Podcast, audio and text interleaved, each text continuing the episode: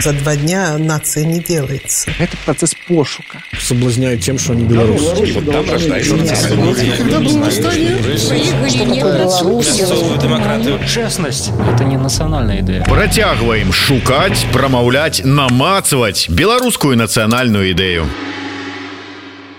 Чым прывітанне в эфіры чарговы выпуск праграмы ідэя X выязной праграмы ідэя X падчас якой мы працягваем на выездзе, але все адно шукаць, прамаўляць, намацваць беларускую нацыянальную ідэю. Як звычайна з вами зміцер Лукашук, а сёння шукаць і намацваць, ну тым больш што сіла ў гэтых руках ёсць, э, беларускую нацыянальную ідэю з прадстаўніком фонду медычнай салідарнасці з беларусю андреем ткачовым добрый день Андрей. Вітаю. Андрей э, ну блізка мы з табой знаёмыя как бы ну не так давно але пра цябе я ведаю давно дзесьці сутыкаліся давно але ты быў ну звычайны чалавек тренер тренер які займаецца спортом вот, ну как бы на виду ну не скажешь что ён там палітычна там ці грамадска актыўны чалавек цікавы чалавек але ну не больш за тое і раптам чалавек гэты пачаў займацца нейкай грамадскай а дзесьці нават палітычнай дзейнасцю ну калі казаць пра тых хто апошнімі там два-тры гады вот пачаў пачаў толькі гэтым цікавіцца і займацца называюць там хтосьці з гонарам хтосьці з издзёўкай там неверагодныя ось прачнуўшыся і гэтак далей гэтак можна по-рознаму да гэтага ставіцца але скажи мне а вот сёння ты знаходзішся у вільні прайшоўшы ўсё то что ты прайшоў а не шкадуеш что ты вось прачнуўся і стаў адным з неверагодных ну глядзі па-першае я буду адказваць по-руску бо на жаль для мяне моўнае пытанне зараз вельмі вострае я ўсё ж таки думаю по-руску і каб подбегнуць нейкіх недакладнасцяў то Ну, я проснулся еще в 2010 году. Я практически дошел до площади 2010 года, когда я до нее уже был там в двух остановках. Уже начался разгон, и мне позвонили, сказали, что уже нет смысла туда ехать. И мои первые аресты и политические статьи, это был 2011 год. Это были марши, молчаливые акции протестов. Ты должен прекрасно помнить эти истории. И у меня за 11 год э, несколько административок, э, за 12 год э, тоже административка. И это все за администрирование группы ВКонтакте «Надоел нам этот Лукашенко». Если помнишь, такая была прекрасная группа. Это как раз таки одна из тех групп, которая там координировала вот эти марши молчаливые. Потом я в 2014 году, как человек уже, который попал в список неблагонадежных, я весь чемпионат мира по хоккею, который проходил, я весь провел тоже на Крестина, 20 12 суток. Поэтому, ну, наверное, будет не совсем справедливо сказать, что я проснулся только там в 2020 году. Э, я, возможно, просто не афишировал свои какие-то там суперполитические взгляды, ну, хотя для, для, для многих это очевидно. То есть в Беларуси, если ты адекватный, думающий, э, здравомыслящий человек, то очевидно, что ты, э, ну, каких взглядов ты придерживаешься? Ты там за добро, справедливость э, и так далее.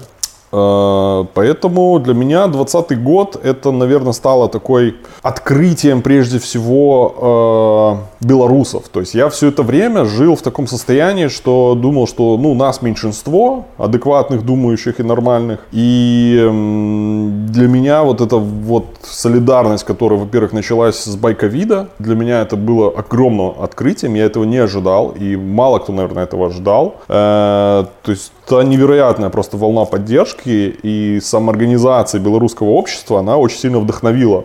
Андрей, а ты не задумывался, откуда это взялось? Потому что вот мы кольки годов жили, э, и, ну, в принципе, мы разумели, что э, позиция белорусов такая жыццёвая, звычайная позиция. Это моя хата с краю, своя кашуля ближе до тела. Вот это мое, оно мое. Нават до ўзроўню вот этого полужарта, э, паміраць збіраешься а жыта сей гэта вот ну вот про сябе толькі і ўсё адкуль это Ну, э, смотри, это же тоже была целенаправленная политика э, государства сделать так, чтобы люди не интересовались политикой, они жили вот как раз-таки по принципам «моя хата с краю», не интересовались происходящим. И э, для большинства белорусов своего рода политика это был такой, можно сказать, зашквар. То есть, э, если ты в политике, значит ты что-то там, ты какой-то такой вот неудачник да, что-то такое. И вот это целенаправленно там д- последние там два с половиной десятилетия вдалбливалось в голову обществу. Э, хотя, в принципе, э, в нормальной стране интересоваться политикой, быть в политике это престижно, это круто. И на этих людей равняются и с них берут пример. В Беларуси же ситуация иначе э, обстоит. И поэтому вот все эти годы, они просто так э, не прошли. И вот люди, которые говорили, мы вне политики, они, конечно же, э, можно сказать, не участвовали там в каких-то политических движениях, но они выстроили, наверное, вокруг себя комфортные условия для существования, спрятались в своих коконах и жили в этих коконах. И я был, наверное, тоже один из тех людей, там, наверное, там с 2014 года и вот до 2020 для меня я тоже выстроил вокруг себя такой, э, можно сказать, кокон, и в нем жил, и мне было в нем классно, комфортно, я там ходил на тусовки, на всякие презентации, э, вел такую беззаботную светскую жизнь, можно сказать. Э, Но вот 20 год он действительно дал понять, что оказывается не моя хата с краю, это, это не про всех белорусов, э, и что большинство белорусов готовы, если им дать понять, что изменения возможны, изменения реальны, и появляется какая-то общая беда и проблема, они готовы объединяться. Э, Это история там, опять же, все приводят в пример ByCovid. Я тоже приведу в пример, э, потому что я был ну, один из участников, один из тех, кто его начинал. И ByCovid это пример уникальной не просто самоорганизации общества, но и взаимодействия общества с бизнесами и с государством. Э, Потому что не нужно забывать о том, что нам зеленый свет дал Минздрав. То есть без участия Минздрава мы бы там где-то там и остались на уровне там купить 10 респираторов и привези в больницу. А именно Минздрав дал зеленый свет, он сказал, что мы не будем вам препятствовать, но вы работаете, пожалуйста, официально по бумажкам через администрацию больницы. И так и получилось. И мне кажется, что как только в Беларуси возникнут условия достаточные для проявления э, опять какой-то волны самоорганизации, солидарности или еще чего-то, она проявится. праявіцца после того як дзяржава паставілася да людзей якія праявілі ініцыятыву на карысць дзя... той же самой дзяржавы краіны ладно не будем про дзяржаў краіны грамадзян гэтай краіны ну, той же самы байкавід колькі людзей рабілі нават не будем казаць про палітыку яны не лезлі ў палітыку яны дапамагалі ось менавіта справіцца с пандэміяй і за это іх пакаралі Ну, ну это яны пацярпелі М, Можно сказать и так, да, но не нужно забывать еще про сотни других НГО, которые долгие годы работали в Беларуси, и тоже как будто бы были вне политики, занимались абсолютно благородными делами, помощью там э, да птушак бацькаўшчыны да, возьмем нават. да, да. Ну там ладно, можно э, там к каким-то персоналиям за их взгляды, может быть, там что-то им прилетело, но есть огромное количество НГО и людей, которые вообще никак не были завязаны э, в- с политикой, и им прилетело. Да, і я до таго, што і вот э, калі людзі разумеюць, што ну вот мы ніякім там вот чынам бокам да палітыкі і нам прыляцела. Да пашла на нахер такая дзяржава. С одной стороны, да, но с другой стороны, есть примеры солидарности даже в тюрьмах, даже в концлагерях во времена Второй мировой. Есть куча примеров солидарности, когда люди в условиях очень тяжелых, очень сложных. Я сам э, там, пройдя, конечно, не через концлагерь, то есть, когда я был на Крестин, это были еще, можно сказать, такие тепличные условия, там людей так не пытали, как пытают сейчас. Э, Пример самоорганизации, он, мне кажется, ну, каком-то в ДНК белорусском уже заложен. То есть вот это, знаешь, э, исторически, как у нас было толока, вот когда случалась беда, сгорела хата, и все деревни собирались и помогали. И вот эта история, мне кажется, она вот очень сильно отображает вот эту белорусскую ментальность, белорусскую культуру, когда с одной стороны, моя хата с краю, но с другой стороны, когда у твоего соседа реально горит хата, то ты приходишь и помогаешь.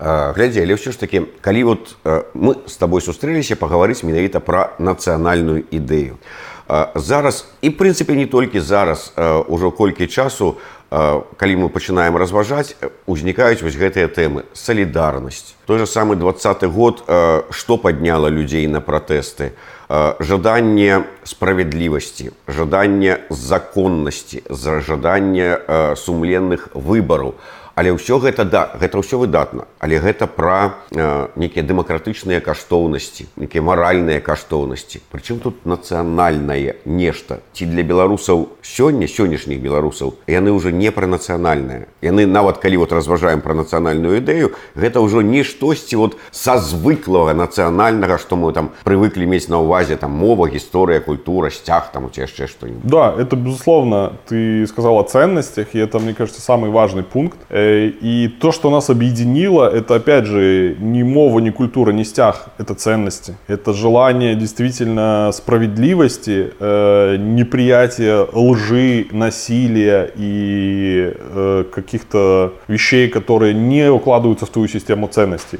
Э, и это, опять же, э, то, что является... Ну ладно, мы, я не буду говорить, что это вот, вот национальная черта белорусов. Это присуще там многим народам, ну, в той или иной степени. Э, но не нужно забывать, что в Беларуси 27-28 лет старались вот эту солидарность и вот эти вот ценности э, выживать из страны. То есть, э, если ты э, топишь за добро, за справедливость, э, не щелкаешь каблуками, не выполняешь любые приказы, ты в этой стране вряд ли приживешься и вряд ли вырастешь до каких-то серьезных высот. И вот эти годы, десятилетия, когда люди, их основной целью было уехать из страны, вот последние 25 лет, ну это реально э, очень большая проблема, когда самые, можно сказать, э, э, умные, те, кто на ком должна строиться вообще там культура, страна, экономика, они уезжают. И это супер большая проблема.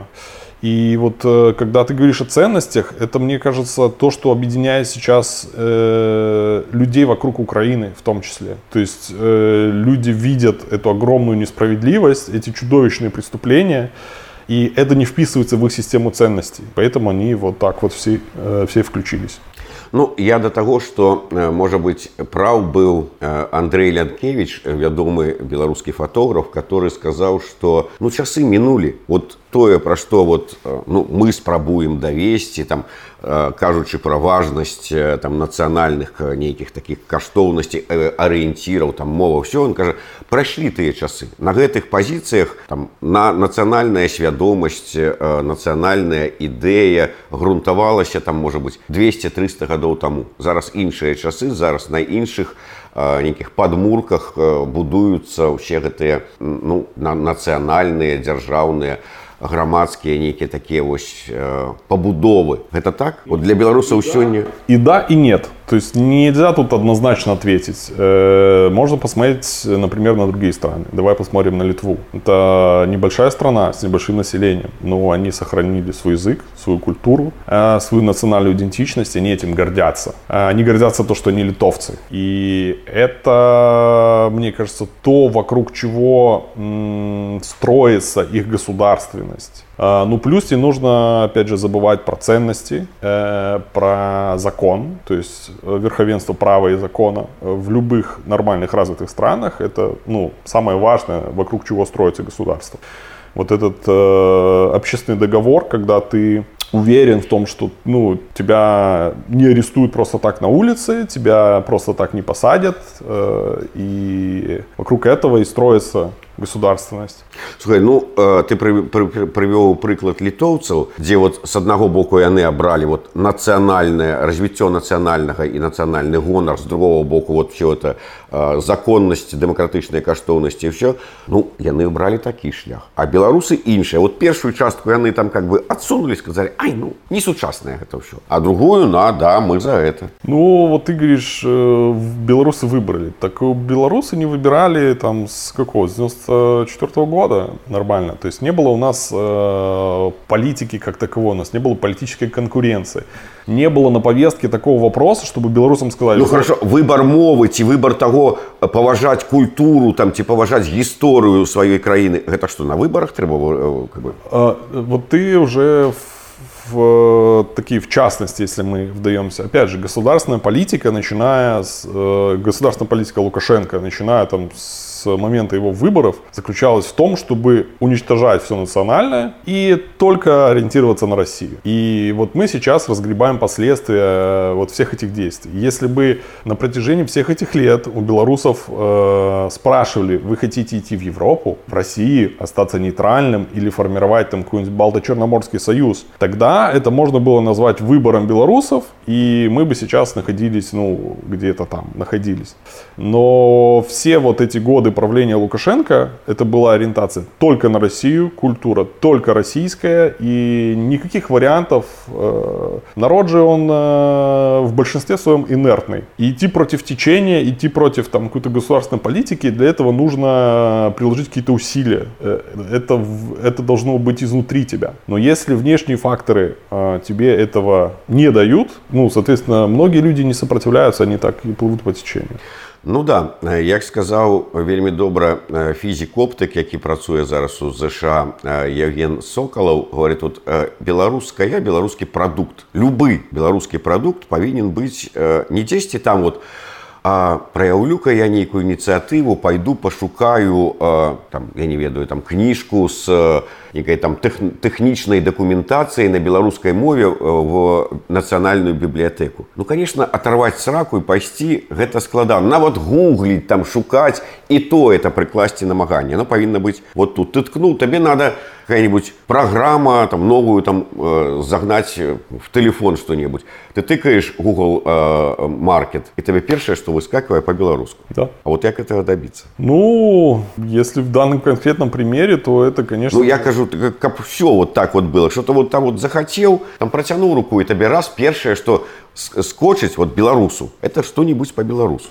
а, ну, это, наверное, технический вопрос уже больше. Э, тут же, э, если говорить опять про национальную идею, э, есть такая черта, опять же, не у всех, но, наверное, у большинства белорусов это выученная беспомощность. Это вот, опять же, то, про что ты э, сказал, это сидеть на диване, ничего не делать, мне все должны, вот, э, сделайте что-нибудь за меня, и вот, ну, я сам ничего не готов сделать. То есть, раздавать советы все готовы. Я приму. Критиковать, да, да, да, критиковать все готовы, все все делают не так, но оторвать и сам, задницу от дивана и самому что-то сделать, нет, это вот, это я не готов. Это национальная идея белорусов? Ну, одна из таких сложных негативных черт, но опять, но опять же не касается всех, но касается, наверное, большинства. И то, что мы видим, опять же, критику там вот Тихановской. Давай уже пойдем в эту тему. Так, сейчас скажут, вот адепта, адепта Тихановской запросили. Э, ну, опять же, столько, сколько для Беларуси сделала она, ну, мне кажется, ну, нет еще такого человека. Э, столько, сколько она сделала для продвижения белорусской повестки на международной арене, и то, что Беларусь вообще не забыли, то, что она еще где-то там на повестке болтается, ее вспоминают в различных международных организациях, и, и она там на государственном уровне звучит, это заслуга ее, ее команды, и вообще, в принципе, демократических сил. И тот же этот, э, Латушка тоже очень много делает. И мне вот, э, я слышу критику в их сторону часто, постоянно, от тех людей, которые, ну, в лучшем случае не сделали ничего вообще и не могут предложить ничего другого. То есть я сторонник этой теории, критикуешь, предлагай. То есть по, по задавать вопросы Тихановской и покритик, покритиковать ее гораздо каждый но предложите реально какую-то действующую альтернативу, которая обладала бы э, политической субъектностью, э, какой-никакой легитимностью, никто не в состоянии. И поэтому вместо того, чтобы критиковать, мне кажется, нужно делать какие-то шаги навстречу того, чтобы э, делать что-то во благо. Хорошо, тебе не нравится, что делает Тихановский, делай параллельно какие-то вещи, какие-то процессы, которые ты считаешь правильными. Но, к сожалению, почему-то так не происходит. И вот те многочисленные критики, они, мне кажется, всю свою популярность, всю свою риторику строят только на критике, не предлагая какой-то позитивной повестки. Ты сказаў пра тое, як ну, змяні ну, я не ведаю, праявіліся беларусы падчас першай хвалі кавіда, когда байкампанія байкавід, салідарнасці гэтак далей. А мяне вельмі ўразілі восеньскія два -го года дваровыя всякие мерапрыемствы, канцэрты, сустрэчы, все гэта вот такое. А, вот, а для тебя это як мело значение? Что, Конечно. что яны для тебя э, показали? Это, опять же, удивление, гордость, э, то, что несмотря, ну, опять же, осень 20-го, давай так, это были еще не супер там жесткие репрессии, и была возможность еще что-то проводить. И для Лукашенко это самая большая проблема и самый большой страх, вот эта солидарность белорусов. Для него идеально, когда все срутся друг с другом, никто ничего не организует, э, никакой солидарности нет, и он всех щелкает по отдельности, э, и у него все хорошо. И мне кажется, что победить его, победить в принципе этот режим можно вот только благодаря общей солидарности. Ну, например, там арестовали человека за коробку от телевизора LG на балконе. На следующий день на всех балконах э, э, коробки телевизора арестуют всех, нет, не арестуют. А, и чем больше будет примеров вот э, такой массовой солидарности, с которой ну, ничего невозможно сделать, тем ближе будет наша какая-то, возможно, победа.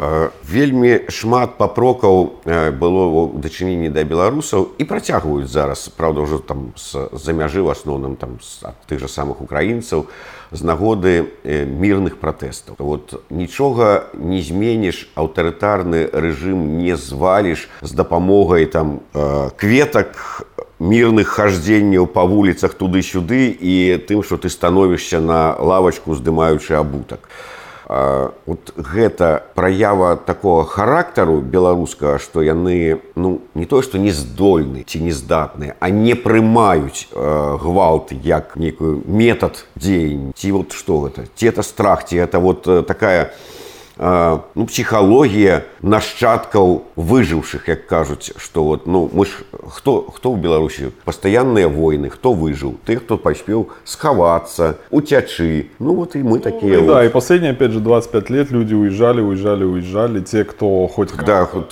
проявлял сябе проявлял хотел... опять же с 14 -го года не нужно забывать что шли очень жесткие репрессии в отношении всех футбольных фанатов э, антифашистов и всех кто хоть как-то мог организовать организовать силовое сопротивление.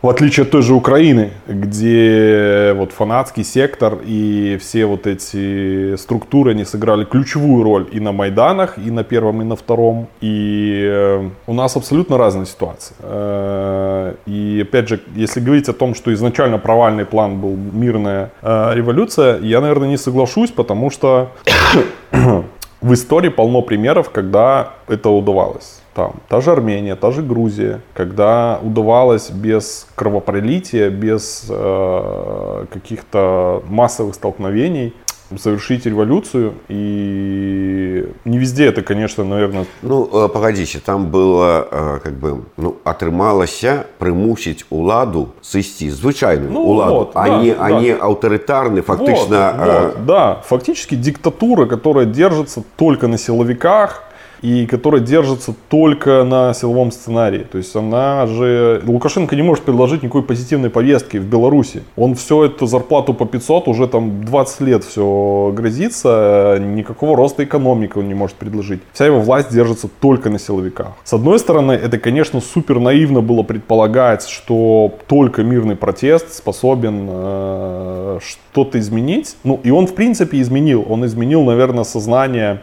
многих даже участников этих протестов. Я помню, когда мы выходили э, вот 9 августа, э, для меня самый, наверное, потрясающий день, это было 16 августа, когда этот супермассовый митинг был в Минске.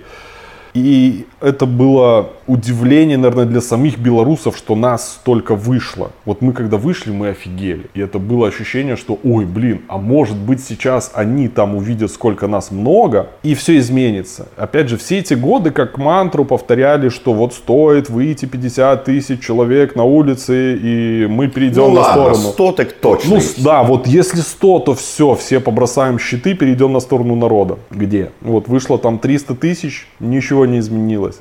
Поэтому э, сейчас я, конечно, э, думаю, ну, опять же, история не терпит сослагательного наклонения и говорить о том, что было бы, если бы когда-то там мы что-то сделали иначе.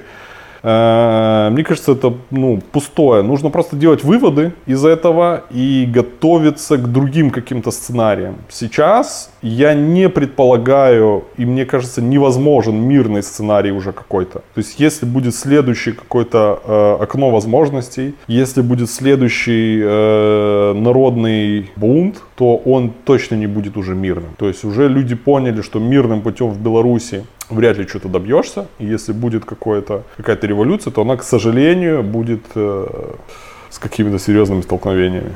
Скажи, на твой погляд, а ці магчыма і ці атрымаецца аб'яднаць э, вось сёння раз'яднаную Беларусь. І Я маю на ўвазе зараз не толькі, хаця это таксама вельмі важна, рэ- аб'яднаць нейкім чынам ці знайсці, паспрабаваць знайсці паразуменне паміж тымі, хто біў і ты- і тымі, каго білі, як і вот аб'яднаць тых, хто з'ехаў і тых, хто застаўся. Бо такое адчуванне, што чым далей, тым больш нават вот это аднадумцаў, але іх шляхі, погляды, эмоцыі яны разыходзяцца ўсё далей. Ну, объединить зачем? Чтобы что? То есть объединение ради объединения, ну, мне кажется, не стоит ставить самоцелью. А мы не павінны быць монолітнай Да, нацыяй. да, это абсолютно люди с разными взглядами могут быть, и это нормально. И то, что в обществе происходят какие-то споры, э, какой-то диалог, есть люди с разными взглядами, с разными мнениями, это нормально, так и должно быть. И в этом очень большая разница, например, между теми, кто выходил на протесты, и теми, кто борется за, демократи- за демократическую, э, свободную Беларусь, и ебатьками, и сторонниками Лукашенко. Они абсолютно нетерпимы к другой точке зрения.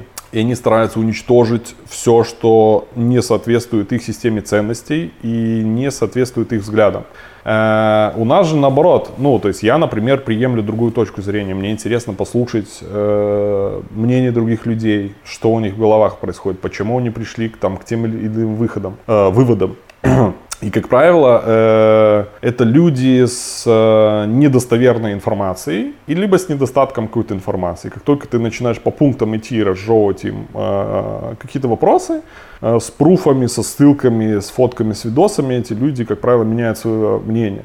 Поэтому впереди нас ждет очень-очень большая работа по развенчанию вот этого вот мифа вокруг Лукашенко и работа именно с его сторонниками. Э, И нужно нам стараться не, не ставить самоцелью их переубедить, а дать такую позитивную повестку для них, э, на которую бы они сказали, о, класс, это вот хорошая идея, мы готовы пойти за этой идеей, мы готовы вокруг нее объединиться. Ведь люди объединяются э, не вокруг людей, а вокруг идей. И мне кажется, нам нужно стараться действительно строить нашу информационную повестку не на критике Лукашенко, а на том, что мы можем принести хорошего и объединять вокруг этого людей. Давай мы до этой тэмы вернемся на заканчэнне але э, вот зараз а, табе не падаецца што не будзем казаць пра увесь свет але менавіта канкрэтна для беларусаў скажем пандэмія каранавіруса 18 года яна была патрэбна для того каб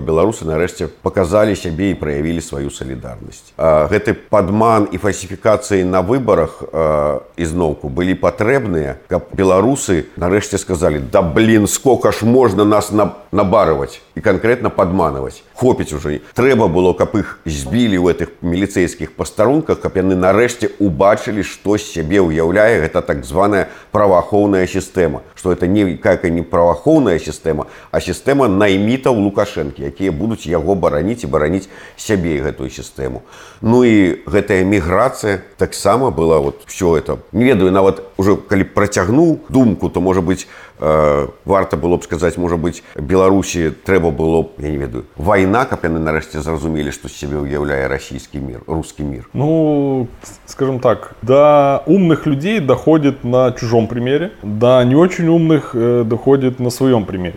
и, возможно, э, ну, кому-то и нужен был вот этот э, личный пример, чтобы там его или его родственников или кого-то из ближнего окружения это коснулось, чтобы понять вообще всю, весь масштаб трагедии, всю глубину этого ужаса. Э, Но большинству людей, мне кажется, ну, они все прекрасно понимают. Что, зачем, почему происходит. Они просто не готовы этому ничего противопоставить. Они не видят себя на баррикадах, они не видят себя э, где-то борющимися. Ведь э, это, в принципе, в человеческой природе заложена э, такая, можно сказать, лень и нежелание изменений. То есть организм всегда стремится к, э, к какому-то балансу, к спокойствию, к покою. И чтобы что-то изменить, это нужно что-то сделать. И, к сожалению, ну, многие не готовы на то, чтобы что-то сделать. А Вот, вот, как я уже говорил, вот просто плыть по течению, это вот, вот классно, удобно, комфортно, ничего не надо делать. Ну да а нават калі ты разумееш ты живеш вот як ты сказаў сваім коханем Да. і нормально Да. А все это было трэба каб вот ну як каб кохана тут пробить Ну, э, у кого-то пробили, у кого-то не пробили. Сейчас очень многие люди в Беларуси, я знаю, опять спрятали свои коконы, выстраивают свою параллельную какую-то Беларусь. э, без Лукашенко, без войны, без всех вот этих вот, как э, они говорят, уехавших. и продолжают как-то жить. Ну, это они, наверное, пытаются как-то сохранить свою психику. Идут на сделки с совестью. Э, Ну, осуждать их за это, конечно, никто не имеет права, потому что это выбор каждого человека. Вообще у человека в жизни состоит из череды выборов и череды решений, которые ему приходится при- принимать в разные периоды жизни. И для кого-то э, одно принятое решение является поворотным, который меняет целиком всю его жизнь, и он идет вообще там по какому-то другому пути. И, ну, вот такова жизнь. Ты верыш што э, тыя хто ну на пэўны перыяд вот як мы лічым абраў э, бок зла цёмны бок э, праз пэўны час раскаецца Конечно. Ну, я очень жду того момента, когда все начнут переобуваться, и все начнут говорить, да нет, это мы вот просто так э, А ён будзе прикалывались. Гэты момант. Ну, рано или поздно, конечно, будет. Но, опять же, э, история. История говорит о том, что наш случай, он не уникален. Это уже все происходило много раз в истории в разных э, вариациях. И всегда все заканчивалось какими-то изменениями, крахом всех диктатур. Все диктатуры падают рано или поздно. Это происходит. пытанне часу Пытание часу, и мне кажется, сейчас Лукашенко уже находится в терминальной стадии распада, и, ну, банально просто с точки зрения здоровья, с точки зрения э, того состояния страны, экономики, э, в которой сейчас находится Беларусь, это не просто стагнация, это не просто болотце уже, это уже состояние очень сильного падения, развала, и нам, наверное, остается наблюдать, а кому-то не просто наблюдать, но еще ускорять это падение. Э, Мне очень больно, конечно, э, видеть и слышать и знать про огромное количество политзаключенных и тех людей, которые пострадали и страдают. Э, Поэтому это, конечно, та цена, которую приходится платить за вот эти изменения. И в Украине, например, эта цена еще выше. То есть вот эти сотни тысяч погибших в Украине это тоже э, то, что невозможно ничем оправдать. То есть любые войны, они заканчиваются, а человеческие жизни уже не вернуть. И это, ну, лично меня это очень сильно фрустрирует, это очень сильно вы- выбивает из колеи. А, и, ну, все рано или поздно будет хорошо. Ну, в крайнем случае нет.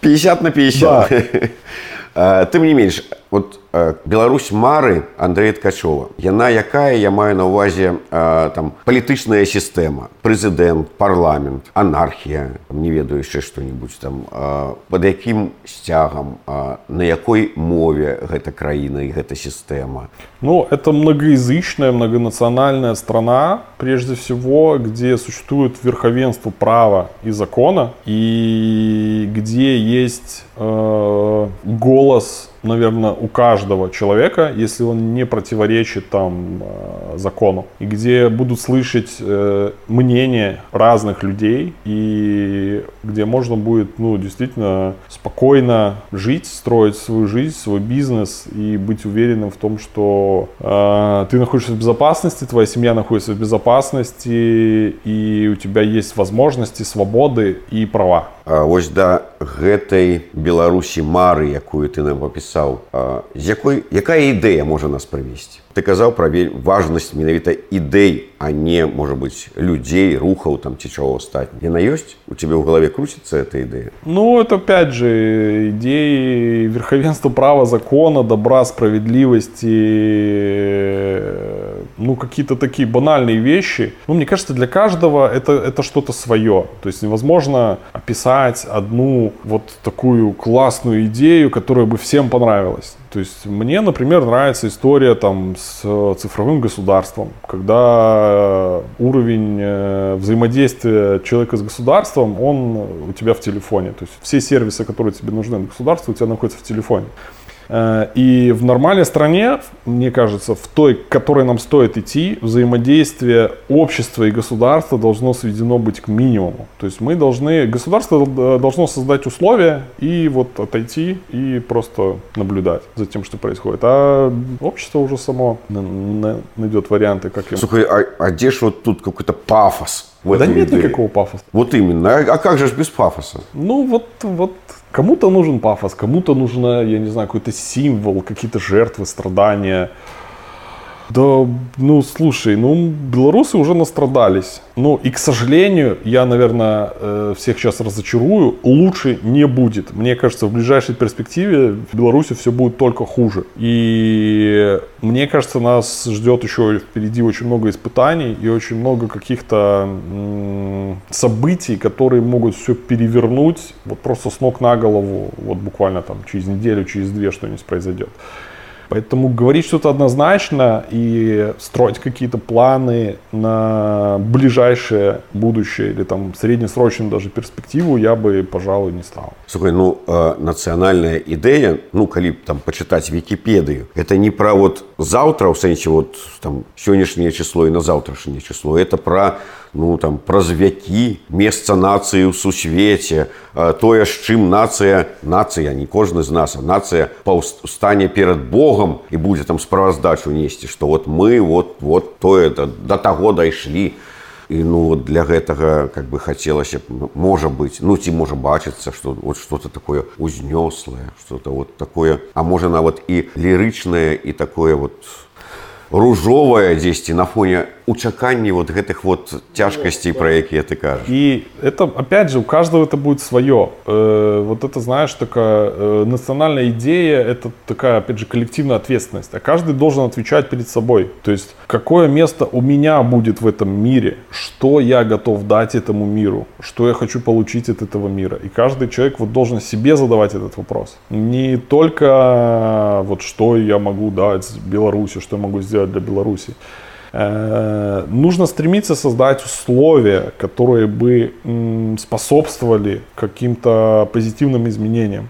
Э, Можно оставаться белорусом и создавать эти условия, не будучи даже в Беларуси. То есть, например, э, мне очень иногда неприятно слышать мнение тех, кто внутри остался, о том, что те, кто уехал, они уже не имеют права называться белорусами. отрезаны ломаць всё. Да, все. А вот когда вы вернетесь, мы вот еще посмотрим, стоит ли вас вообще принимать. Ну, слушайте, ребята, это типа какая-то обида, наверное, нереализованная.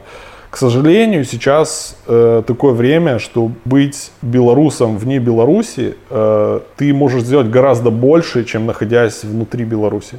А, вот как-то Ну да сапраўды я просто размаўляў з адным чалавекам вот буквально днямі ну на якога ну па- прынамсі невядома не заведзена ніякай крымінальнай справы там нібыта ён не праходзіць ні па якой с- там нейкім э, там эк- экстрэміскім маршрутам Э, ну здавалася б ён мог бы вярнуцца здавалася а а ён кажа ну хорошо ну вярнуся я і што я Да, там и буду что? рабіць Да. Вернуться Тут просто, я чтобы могу вернуться. вот нейкія праекты нешта Да, рабіць да. некія там то а там что і з кім галоўнае Да, и опять же вернуться, чтобы что? И опять, у меня всегда люди Как березку погладить. Да, да. Там вот. Э, Опять же, меня очень часто люди спрашивают, э, стоит ли уезжать. Вот я сижу, мне страшно, стоит мне уезжать. У- уехать, чтобы что? Чтобы просто уехать или чтобы что-то делать? Э, Или вот, вот всегда у какого-то действия должны быть какие-то логические шаги. То есть э, я там в 2020 году сделал выбор. Я уехал из Беларуси, чтобы вне Беларуси делать что-то, не рискуя каждый день сесть в тюрьму, например. И это вот мой выбор. Я вот уже на протяжении почти двух лет это делаю. Мог ли я поступить иначе? Конечно, мог. Мог бы я сидеть в Беларуси, Отсидел бы я там как минимум сутки, э, как максимум мне бы, конечно, влепили бы уголовку за участие. Э, Ну, вот сидел бы я там, я не знаю, ну, год, полтора, может быть. Ну, вышел. И как бы стала бы моя жизнь от этого лучше? Ну, нет, не стала бы. А, От с- разумеючы твае словы я разумею дакладней твае словы папярэднія так што у кожнага а, ну, можа быць ці нават мусіць быць свая нацыянальная ідэя Ну, а- а как бы кто я такой, чтобы говорить у кого-то, что это должно быть или не должно быть? Ну, я вижу это так. Ну ты, ты бачыш гэта так. меня- А як мы можам э, от, калі ў кожнага сваё свая ідэя сваё бачанне а, як мы можам дайсці да нейкай агульнай мэты Хорошо, какая у нас э, общая цель? Если у нас общая цель убрать Лукашенко, то мы должны вокруг этой цели объединиться, и люди абсолютно разных взглядов, абсолютно разных вообще стратегий, видений. Э, кто-то Слухай, ну это Хочет. это да, это Да. мы, мы это вот Конечно. зараз, но не не какая-то идея на вяки. Ну да, вот мне кажется, эта идея, она будет э, еще формироваться, она еще будет как-то постепенно доходить до все большего количества людей. Кто-то видит э, идею в том, чтобы зайти бравым отрядом на территорию Беларуси и силовым путем э, сместить Лукашенко. Кто-то видит идея в том, что, чтобы с помощью санкций э, ослаблять экономику, тем самым принуждать э, Лукашенко к переговорам, к выпуску политзаключенных и так далее. У каждого свое какое-то видение, но если у нас э, одна цель, если белорусы будут делать хоть что-то разными путями, у каждого свой способ, у каждого свое видение для одной цели, э, так это здорово. Ну вот, знаешь, эта попытка всегда всех вокруг чего-то объединить, она, мне кажется, обречена. Всегда лю- люди будут с разными взглядами, с разным видением, с разными идеями. Э, но если они будут все идти к одной и той же цели, ну, вот мне кажется, это будет эффективнее, чем вот объединиться, чтобы объединиться. Вот я это слышу на протяжении, вот как только я уехал, вот все эти страдания по поводу объединения вокруг чего-то, вокруг какого-то субъекта, вокруг там Латушка, вокруг Тихановской, создания каких-то советов, каких-то органов, каких-то вот это все вот объединение ради объединения. Слухай, але вот у мяне такое ўражанне, што ў любым выпадку якую б мы мэту там не абралі, якую б там светлую будучыню мы сабе не малявалі, першы крок, які вот нам ну просто неабходна зрабіць, каб вот пачаць рухацца да этой сваёй мэты, гэта змяніць рэжым. Да, да. Сделать условия для того, чтобы произошли какие-то изменения в Беларуси в позитивную сторону. И это, ну да, это, это цель на такую краткосрочную перспективу. А дальше уже, конечно же, пойдут э, формирование там и национальной идеи, и культуры, э, и все, все, все, все, все вот это. То есть на сённяшні на, на бліжэйшую кароткатэрміновая такая э, нацыянальная ідэя ну умоўна кажучы лукашенко сыходзь а ўжо калі гэта будзе выканана тады будзем фармаваць нармальную нацыянальную ідэю там на бліжэйшыя наступныя вякі Ну, возможно так, возможно нет. Ну, мы сейчас можем просто рассуждать об этом, ну, не говорить о том, что вот будет только так или иначе. и мы просто строим гипотезы. Все может произойти абсолютно по каким-то непредсказуемым сценариям и путям, и нам просто нужно быть к этому готовыми, сохранять в себе себя, в первую очередь, э, держаться за свои ценности, за свои вот какие-то вот эти мысли, идеи, которые позволяют нам делать то, что мы делаем, и не разочаровываться в этом. Потому что я сейчас вижу картину, когда очень-очень многие люди опускают руки, очень многие разочаровываются вообще в происходящем, э, в э, желании вообще каких-то перемен, изменений в Беларуси, говорит, ай, типа, гори оно все гаром, я буду жить своей жизнью, оно там само как-то организуется. но, к сожалению, не организуется. И поэтому сейчас важно сохранить вот это вот э, желание что-то поменять. Вот как только этого желания не будет, ну, все, хана. Добра падсумоўваючы нацыянальная ідэя ну не будзем казаць што вот нацыянальная ідэя ад Андрэя ткачова нацыянальная ідэя скажем у адпаведнасці з якой жыве працуе гуляе кахае марыць Андрей ткачоў но не быць сволочью в первую очередь не быць не, не быць скотом как э, говорится, э, созидать, э, делать какие-то правильные вещи, э, нести добро, мир, э, любовь в массы и э, быть собой, быть, быть, быть позитивным человеком в том числе.